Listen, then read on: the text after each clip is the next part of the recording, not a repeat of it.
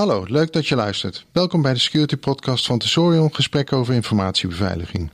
Dit is aflevering 32, opgenomen op 2 augustus 2019, BGP.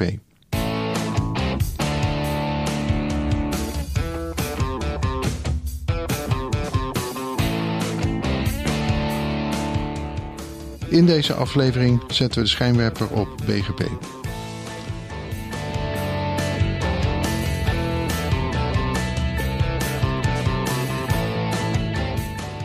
Ik ben Lex Borger en vandaag is Renato Kuiper mijn podcastmaan.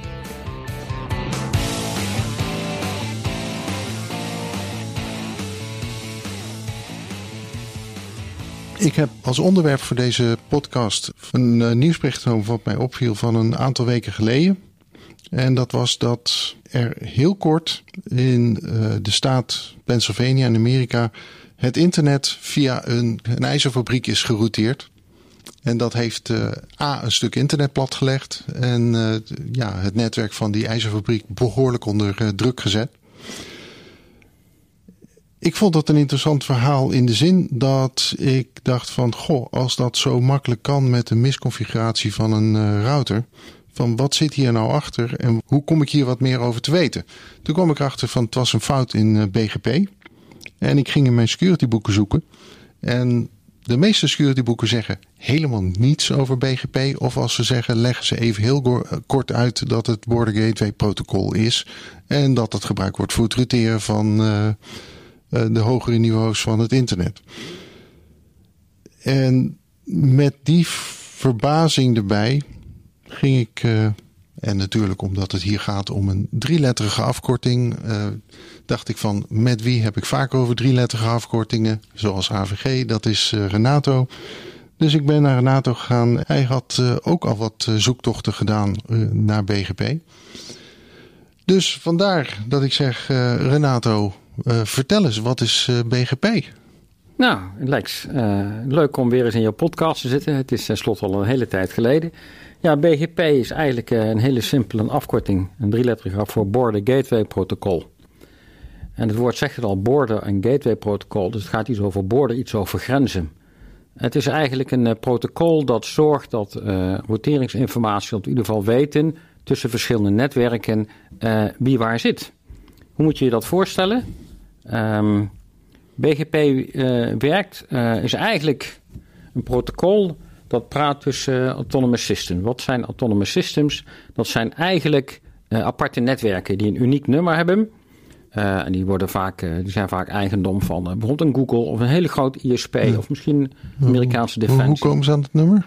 Die nummers worden geregistreerd en die worden ook formeel uitgegeven. En um, wat je ziet is eigenlijk, we hebben het altijd over het internet, maar wat is het internet? Het internet is gewoon aan elkaar koppelen van heel veel losse netwerken, autonomous systems.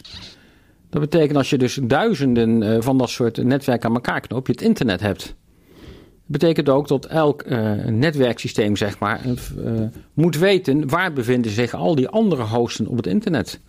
Oftewel, welke IP-adressen horen bij welk netwerk. In feite kun je dat vergelijken met wat we eigenlijk met DNS ook doen. Hè? Van welke URL toetsen we in welk IP-adres hoort erbij. Ja. Dus we gebruiken heel veel DNS. Nou, voor BGP is eigenlijk hetzelfde. En je hebt inderdaad wel gelijk hoor. Want ik heb ook natuurlijk in de, de, de klassieke security boeken gekeken. En het enige boek waar ik echt wat over BGP vond, naast wat bekende whitepapers natuurlijk, is het boek van uh, Tannenbaum, die natuurlijk uh, in Amsterdam zat. Het, net, het beste klassieke boek. Daar stond het ook, vind ik, het best in uitgelegd. Dus het is eigenlijk een protocol waar je zeg maar uh, internetworking mee kunt regelen. En die eigenlijk gewoon zegt van als je ergens naartoe wil, via welk pad kun je dat doen? Stel je voor, ik heb een, een netwerk hier in Nederland, een autonomous system in Nederland draaien van KPN. En ik wil communiceren met eh, Amerika. Met ja. uh, een Verizon. Een autonomous system van Verizon. Nou, daar zitten er allerlei autonomous systems tussen. En er loopt een pad naartoe. En dat kan natuurlijk, het is nooit één weg. Er zijn meerdere wegen. Er romen mogelijk ook van, uh, van KPN, zeg maar, naar Verizon. Stel je voor, er loopt een pad via, uh, via Polen, Rusland, uh, Japan. Dan zijn er drie AS-hops die ertussen zitten. En je hebt een ander pad, dat loopt via Frankrijk, België, Luxemburg, Canada, weet ik het. En je komt uiteindelijk naar 10 AS-hops, kom je bij Verizon uit. Dus hier tot er twee paden mogelijk zijn. Nou, BGP zorgt ervoor dat hij eigenlijk de kortste AS-hop in principe neemt. Dus de kortste route. Dat wil niet zeggen dat dat de snelste is. Want een autonomous system kan bestaan uit, nou heel primitief, heel klein, bijvoorbeeld uit twee borderrouters. Maar het kan ook uit een netwerk bestaan waar 10.000 interne routers zitten. En dat betekent dat je misschien wel 10.000 interne routerhops hebt. Is een beetje overdreven, vergelijkbaar met andere. Wat biedt dat voor voordeel? Nou, uh, je kunt de route bepalen. Van, je neemt per definitie de kortste route, maar er is wel iets ingebouwd. Een stukje uh, een policy, waarbij je zegt van nou ja, uh, wij van Engeland naar Amerika, wij gaan het liefst over, niet over Siberië, het liefst over een West-Europees land, een bevriend land en vooral niet over Iran. Dus je kunt op basis van policies ook nog bepalen hoe die routering ongeveer zou moeten kunnen lopen.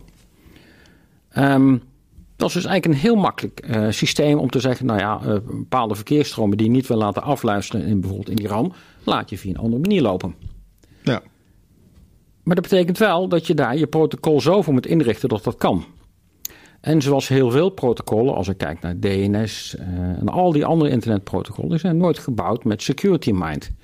Dus dat betekent ook dat een van de grootste risico's is, je zou die BGP-routeringsinformatie kunnen manipuleren. Ja, Hoe weet je nog godsnaam dat je de juiste partij bent? Ja, ik geloof dat zelfs gewoon als, als een uh, router via BGP uh, eh, verkeerde informatie geeft, dan, dan wordt de routing, hè, al die routingberekening van kortste route en alles worden verkeerd gemaakt. Ja, klopt. Want, want men gelooft de andere partij. Dat klopt. Dus wat je dan ziet is eigenlijk eh, de klassieke dingen die je natuurlijk ook zag bij DNS, is dat je, uh, net als bij BGP, de, de route kunt manipuleren. Je kunt de route hijacken. Je kunt een denial of service uh, attack uitvoeren. Neem het voorbeeld wat je zelf zei van de, uh, de Amerikaanse ijzerfabriek volgens mij. Hè? Ja. Uh, als de ja, BGP... dat, was een, dat was duidelijk gewoon een, een, een, foutje bedankt. Dat is een foutje bedankt, maar daardoor ging er heel veel verkeer uh, door die internetrouters heen bij die autonomous system, bij die Amerikaanse ijshandel aan vast zat. Dus die werd gewoon plat gebombardeerd, want die kon die lood gewoon niet aan. Stel je voor dat je zegt van, neem een heel mooi voorbeeld. Um, KPN-klanten uh, uh, zoeken heel veel informatie op bij Google. Hè? Dat is praktisch heel vaak met Google. Dus dat betekent dat de, de autonomous systems waar die verkeersstromen heen lopen... toch wel redelijk zware ondersteunende ISP's moeten hebben. Ja. die bandbreedte ondersteunen. Stel je voor je routeert dat via een klein landje als Albanië... met een heel klein ISP'tje. Ja. Nou, dan blaas je het ISP'tje op en er komt geen verkeer meer door. Ja. Dus maar, dat is ook iets waar je over na moet denken. Ja. Gebruiken we dan ook BGP om bijvoorbeeld Netflix, weet ik, heeft een presence over de hele wereld. En dus de IP-adressen van uh, Netflix worden uh, ja, vaak lokaal gehost en op die manier gevonden. Heeft dat ook met BGP te maken? Nou, wat je natuurlijk wel ziet is dat alle ontsluitingen van dat soort breedbandige uh, datatransfers wel via AAS gaan, Autonomous System, die grote bandbreedtes ondersteunen. Daar wordt wel naar gezocht. Ja. En natuurlijk, als jij, waarom zet je een lokale presence van belangrijke dingen neer? Om heel veel dataverkeer over andere zaken te voorkomen. Ja. Want het is natuurlijk wel zo, je moet natuurlijk, dat is natuurlijk meer technisch juridisch, wel wat afspraken maken tussen een aantal partijen. Uh, wil jij voor mij, zeg maar, uh, intermediairs om al mijn data door jouw netwerk heen te routeren? Ja. Want dat betekent nogal wat. Ja, en, heel en, veel kosten mee om. Ja, en in het internet hebben we de afspraak dat we al dat soort uh, routeringen gewoon doen. Ja. En dat we daar ook geen belemmeringen voor geven. Dat klopt. Dus je ziet eigenlijk dat er best heel veel risico's zijn. En toen ik ook in het onderwerp dook, toen dacht ik echt van ja, zijn er dan echt dan zoveel praktische verstoringen geweest? Ja. Want het is enerzijds uh, foutje bedankt, maar anderzijds ook misschien wel bewust. Ja, en dan uh, zie je dat er in 2018 lekken geweest zijn, verstoringen, in 2017. En zelfs de eerste die ik uh, terugkom was met name YouTube in 2008. Dat leidde tot een outage van YouTube. Een heel mooi voorbeeld. Ja. Um, wat je ook ziet is dat uh, andere, uh, ook recentelijk, bijvoorbeeld Twitter daar last van gehad heeft. In 2018 een Twitter outage. Uh, op maandag lag heel Twitter eruit. En je ziet ook dat de verkeersstromen in één keer, Europese verkeersstromen in één keer gerouteerd werden naar China. Door ook een foutje. Nou ja, de vraag is of dan een foutje geweest of een bewuste keuze natuurlijk. Ja, ja, daar hebben we vaker zelfs berichten over gehad. Ja. En, dan was er een of ander duister uh, ja, ISP in het uh, Verre Oosten die zei van ja, ik had even een, een, fout een foutje gemaakt. Nou ja, het is natuurlijk wel zo, als je de verkeersstromen kunt beïnvloeden, dan kun je ook zorgen dat verkeersstromen of niet aankomen. Je kunt een man in de middel spelen, maar dan, dan, dan, moet je wel heel zwaar werken. Maar je kunt natuurlijk wel heel makkelijk informatie aftappen. Kijk, normaal gesproken, over het internet weet je eigenlijk de routering niet. Nee. Dus als je denkt van nou, ik wil daar wat van aftappen ja, dan moet ik al die routes gaan aftappen. Er zijn er nogal veel. Dus eigenlijk bijna tot het oneindige toe qua mogelijkheden.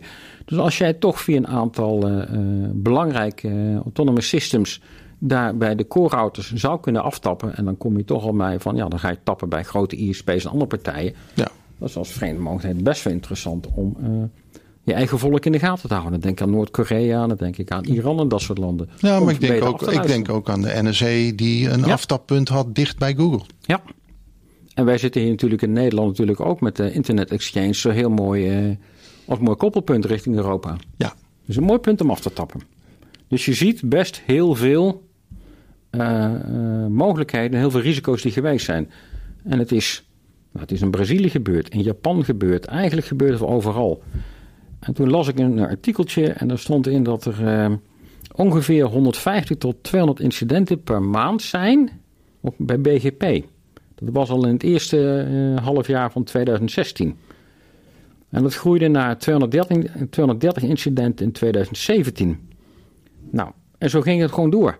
Oftewel, die incidenten zijn er heel erg veel. En nu kun je zeggen, ja, het zijn bewuste. En ik denk ook een heleboel gewoon fout configureren. Want netwerk configureren is nog steeds best wel complex werk. Ja, en met het volraken van IPv4-ruimte... Ja. is het dus ook de, de hoeveelheid uh, data die gemanaged moet worden via BGP is alleen maar ook geëxplodeerd. Als ik is gewoon echt geëxplodeerd. Als je... Dat, het internet is in steeds kleinere brokjes van IP-adressen opgedeeld. En je hebt steeds meer autonomous systems die dat allemaal uh, maar bij elkaar moeten combineren. Ja. Nou, al die autonomous systems hebben natuurlijk een uniek nummer. Uh, als je de Verizon en wireless neemt, dat is AS6167, ik noem een voorbeeld. AT&T is bijvoorbeeld AS7018. En China Telecom is AS 4134. Dus als um, Verizon uh, aan China Telecom wil laten weten wat het snelste pad is, dan is dat misschien via eh, AT&T. Dus die propageren al dat soort informatie in messages, BGP-messages naar elkaar toe. En die worden in tabellen opgenomen. En dan is natuurlijk de vraag van, ja, maar hoe weet je nou in godsnaam of je de juiste partij bent. Want uh, net als DNS, het is nooit op basis van uh, security eisen opgebouwd. En we bouwen eigenlijk gewoon door. Dus dan zie je gewoon dat je uh, discussies krijgt van hoe sta je de authenticiteit vast. Hoe weet je nou dat een autonomous system die een BGP-message stuurt de juiste IP-ranges nou bekend maakt. Of niet in één keer een claim legt van hoppa, mijn netwerk is een factor duizend groter geworden. Ja. Dat is een beste uitdaging. En... Ja, er komt ineens een van naar boven van dat een ISP in Portugal die stal uh, stukjes ongebruikte IP-ruimte ook door zijn BGP uh, ja. aan te passen. Is toch wel heerlijk om dat te doen. Je, je, goh, dat heeft hele mogelijkheden, zeg. Dat biedt uh, mogelijkheden. dat betekent ook dat je dus echt wel over die security moet gaan nadenken. Nou, gelukkig zijn wij niet de enige die erover nadenken. Hebben anderen voor ons ook al lang nagedacht. En wat je natuurlijk ziet is dat er eh, best veel adviezen ook eh, van internationale organisaties komen. Ik denk aan uh, enerzijds ENISA, die al, denk twee jaar of drie jaar geleden volgens mij een publicatie over geschreven heeft over wat zijn nou de minimale security vereisten voor BGP. En je ziet ook nu het ook Amerika een paar keer geraakt heeft, dat ook waarschijnlijk intern in Amerika NIST de opdracht gekregen heeft om daar ook good practices voor op te stellen. Dus die hebben ook een publicatie erover geschreven. Nou, dat valt dan in de Special Publications hier, dus het uh, SP 1814 of zo. Ja. Uh, het nadeel van die publicaties zijn wel heel dik. Dus ja. uh, je moet heel veel lezen voordat je überhaupt wat kunt gaan doen. Dus in de algemene documentatie vind je niks. Nee. En op het moment dat je gaat zoeken naar details, dan word je ook gelijk met bakstenen... Dan word je er helemaal plat gegooid en dan... Nou ja, het is ook wel zo. Um, Waarom is er weinig over geschreven in het verleden? Daar zat ik ook over naast te denken. Want wij doen al heel lang internet security. En we werken al twintig jaar met firewalls die we ontwikkelen.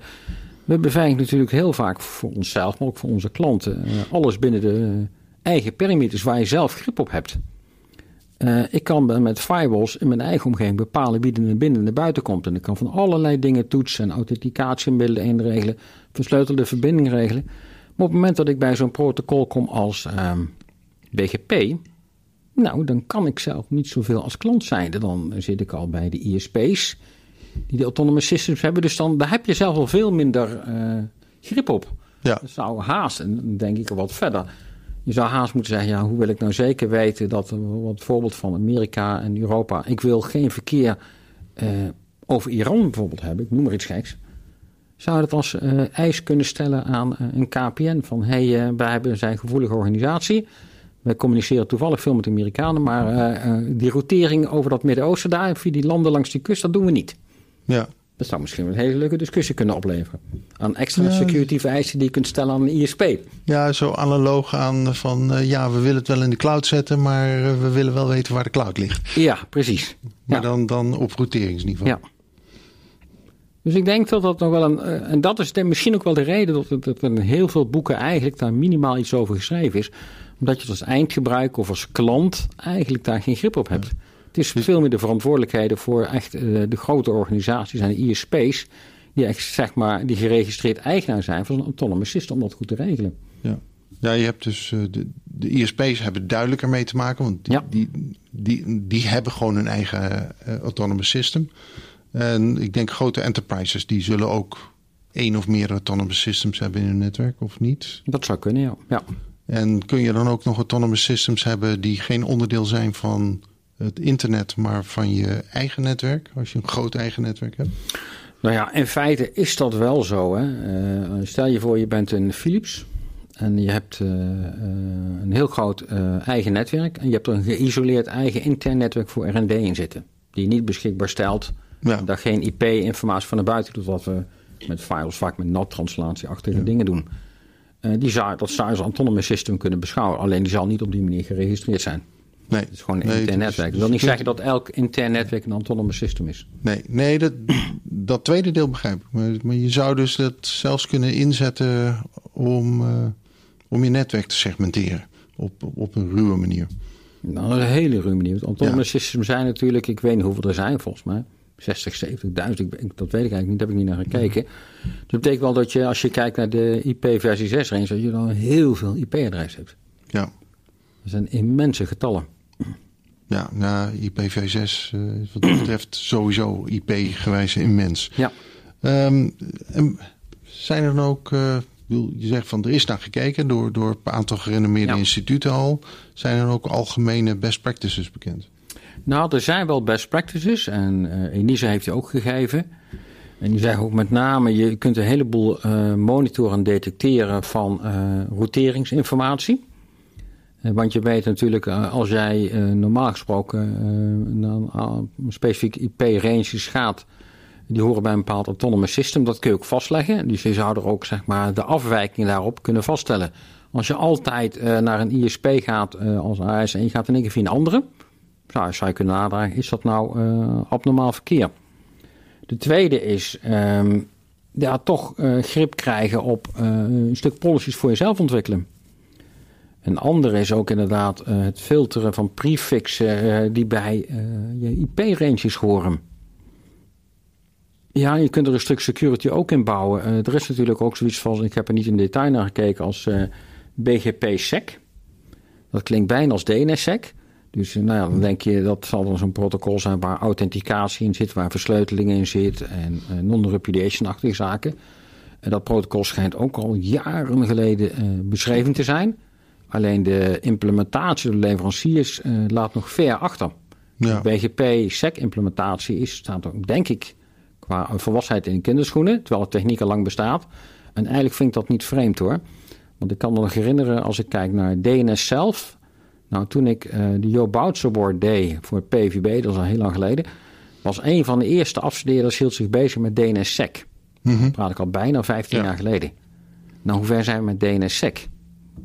Nou, het begint te komen. Het begint heel nou, schoorvoetend te komen. We dachten allemaal nadat de Kaminski-kwetsbaarheid naar boven kwam... dat de hele wereld in een half jaar tijd over zou zijn op DNSSEC. Maar dat, dat is gewoon niet gebeurd. Nee. Dus dat zal bij BGP hetzelfde zijn. Wat betekent investeringen in, uh, in bestaande hardware natuurlijk. Dan moet die firmware wel natuurlijk kunnen aanpassen of je corehouders gaan veranderen in je autonomous systems om dat te kunnen ondersteunen. Ja. En dan kom je met technieken uit als, uh, dan kom je, hoe ga je nou de, de root origin nou bepalen? Hoe ga je nou authenticatie van berichten regelen? Hoe ga je nou de authenticiteit van al die autonomous system BGP messages regelen? Dus volgens mij is er nog een hele markt open, waar wel best veel over gepubliceerd al wordt.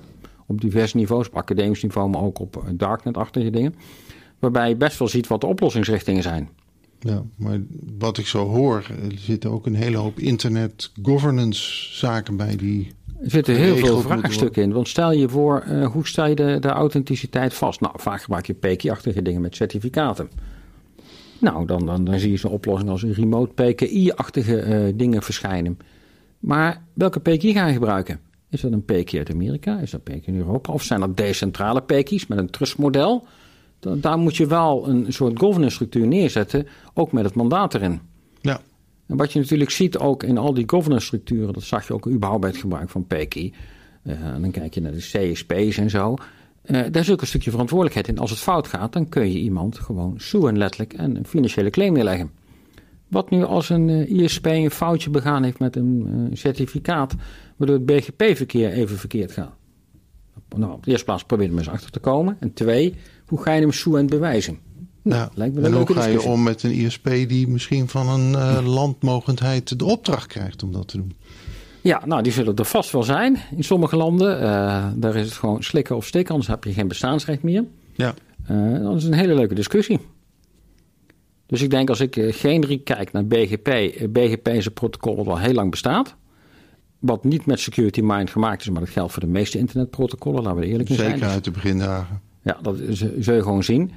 Um, die gewoon autonomous systems met elkaar uh, koppelt. En je moet dus ergens de registratie hebben welk autonomous system. En die registratie is natuurlijk wel, hoort bij welke IP-range. Maar hoe kun je het ook zeg maar, met een soort elektronische handtekening de, de, de onweerlegbaarheid ervan vaststellen. Dat niet net als die Portugese een veel groot IP-range geclaimd gaat worden. Ja. Dus daar zitten best nog wel uh, leuke security uitdagingen in ons vakgebied in. En dat valt me ook op. En uh, ik ben ook zelf docent ik merk ook dat het ook in het onderwijs totaal niet aan de orde komt. Het is het inderdaad in het boek van Sean Harris van CISP, is altijd een leuk voorbeeld. Uh, is het net, uh, denk drie alinea's tekst. Ja. Misschien. Ja, het is, het, is, het is minder dan dat zelfs. Ik, ik nou. heb maar één alinea gevonden en daar staat het gewoon in uitgelegd wat het is. Ja. En er staat niks van beveiliging of richtingen of, of, of ontwikkelingen. Het is geen onderdeel van de, de body of knowledge van CISSP. Nee, en ik Laat staan dat het van een van de ISACA-certificaten uh, is. Nee, bij ISACA is dat helemaal niet, want die weet ook amper wat DNS is, met alle respect. Ja, dus misschien dat in de Cisco-certificaties, die ik nooit in detail bekeken heb, dat het daar een onderdeel van is. Maar uh, ik zou me verbazen als het in de security kant zit. Ja, dat klopt. Nou, en uh, dus als je er echt wat over wil lezen, dan kom je veel meer uit bij dat soort artikelen die in ACM-Q staan. Ik kwam de laatste in tegen heten Why is taking uh, Why is it taking so long to secure internet routing? Van Sharon Goldberg was dat, van de Boston University. Die heeft een heel leuk artikel geschreven, 15 pagina's volgens mij. En die legt ook helemaal uit hoe dat concept in elkaar zit. Met alle lekken, hoe de autonomous systems werken en wat voor oplossingsrichtingen zijn. Dus als ik zelf kijk naar... moeten er nog veel aan doen vanuit security perspectief? Nou, volgens mij moeten we er heel veel aan doen aan security perspectief. Wat kun je er als organisatie zelf aan doen? Nou, als organisatie, als eindgebruikersorganisatie, kun je er verdomd weinig aan doen. Je zou hooguit als meer een uh, food for thought kunnen zeggen: hey, ISP, mijn verkeer gaat niet over Iran, gaat me regelen. Nou, dat is best wel lastig.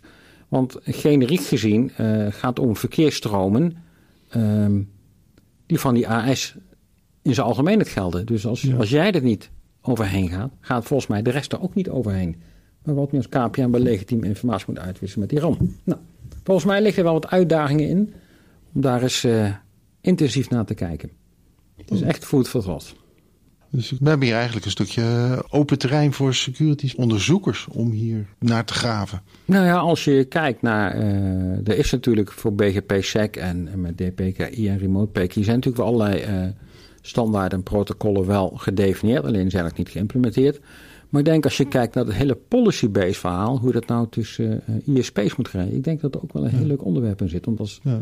echt uit te verdiepen. Ja, Want dan ga je conditioneel dingen wel en dingen niet af en toe doen. Nou, dat lijkt me wel een hele interessante. Ja, ja ik, ik, zonder dat ik echt in de diepte in wil gaan. Maar ik, ik, toen ik erover las, kwam ik dingen dus tegen van, van ja, wat doe je als uh, router? Je zit aan je, je wide area network en je krijgt van, van links krijg je te horen van, ja, ik serveer, uh, ik heb een route naar deze AS-nummers. En aan de rechterkant heb je, hem, heb je hem ook. En de ene doet het wat globalere specificatie en de ander doet wat specifiekere specificatie. Dan wordt dus standaard de specifiekere genomen, want dat wordt aangenomen dat het dichterbij zit. Maar de globalere, die zou sneller kunnen gaan. Ja. En uh, dat soort aannames, die zitten niet eens in het protocol. Je moet, je moet maar een beslissing nemen, terwijl je ja. het eigenlijk niet uh, goed weet. En eigenlijk als je twee van dat soort berichten vrij snel achter elkaar krijgt, zou je ze misschien ook helemaal niet moeten kunnen accepteren. Ja. Zou er echt een filtering overheen moeten ja. zetten. Maar dat is echt wel voor de hoge netwerkspecialisten. Uh, ja. Nee, maar, voor mij ook ja. maar dat zijn wel interessante dingen om over na te denken. Ja, ja, deze kwam ik nog bij het inlezen in uh, het verhaal van die uh, ijzermijn in, uh, ja. in Pennsylvania. Maar ja, volgens mij hebben we hier zo een, een mooi rond verhaaltje van gemaakt. We zijn weer terug bij het begin gekomen. Ja, maar het, ik moet wel zeggen, het blijft mij wel boeien. Want vroeger keek ik ook naar DNSSEC omdat ik er vanuit de Joboutse wordt naar gekeken. Het is altijd leuk om nieuwe ontwikkelingen te denk je, nou, yes, dit is de oplossing voor DNSSEC. En dan zijn we 10, 15 jaar verder en dan valt het nog tegen de maat van de implementatie. Nou, we zien bij BGP ook wel heel veel problemen die veel groter impact nog kunnen hebben, mogelijk. En ook daar gaat het waarschijnlijk heel erg lang duren. Dus waarschijnlijk als wij, tegen de tijd dat wij met pensioen zijn, kan het vlaggetje geschikt BGP-SEC is geregeld aan.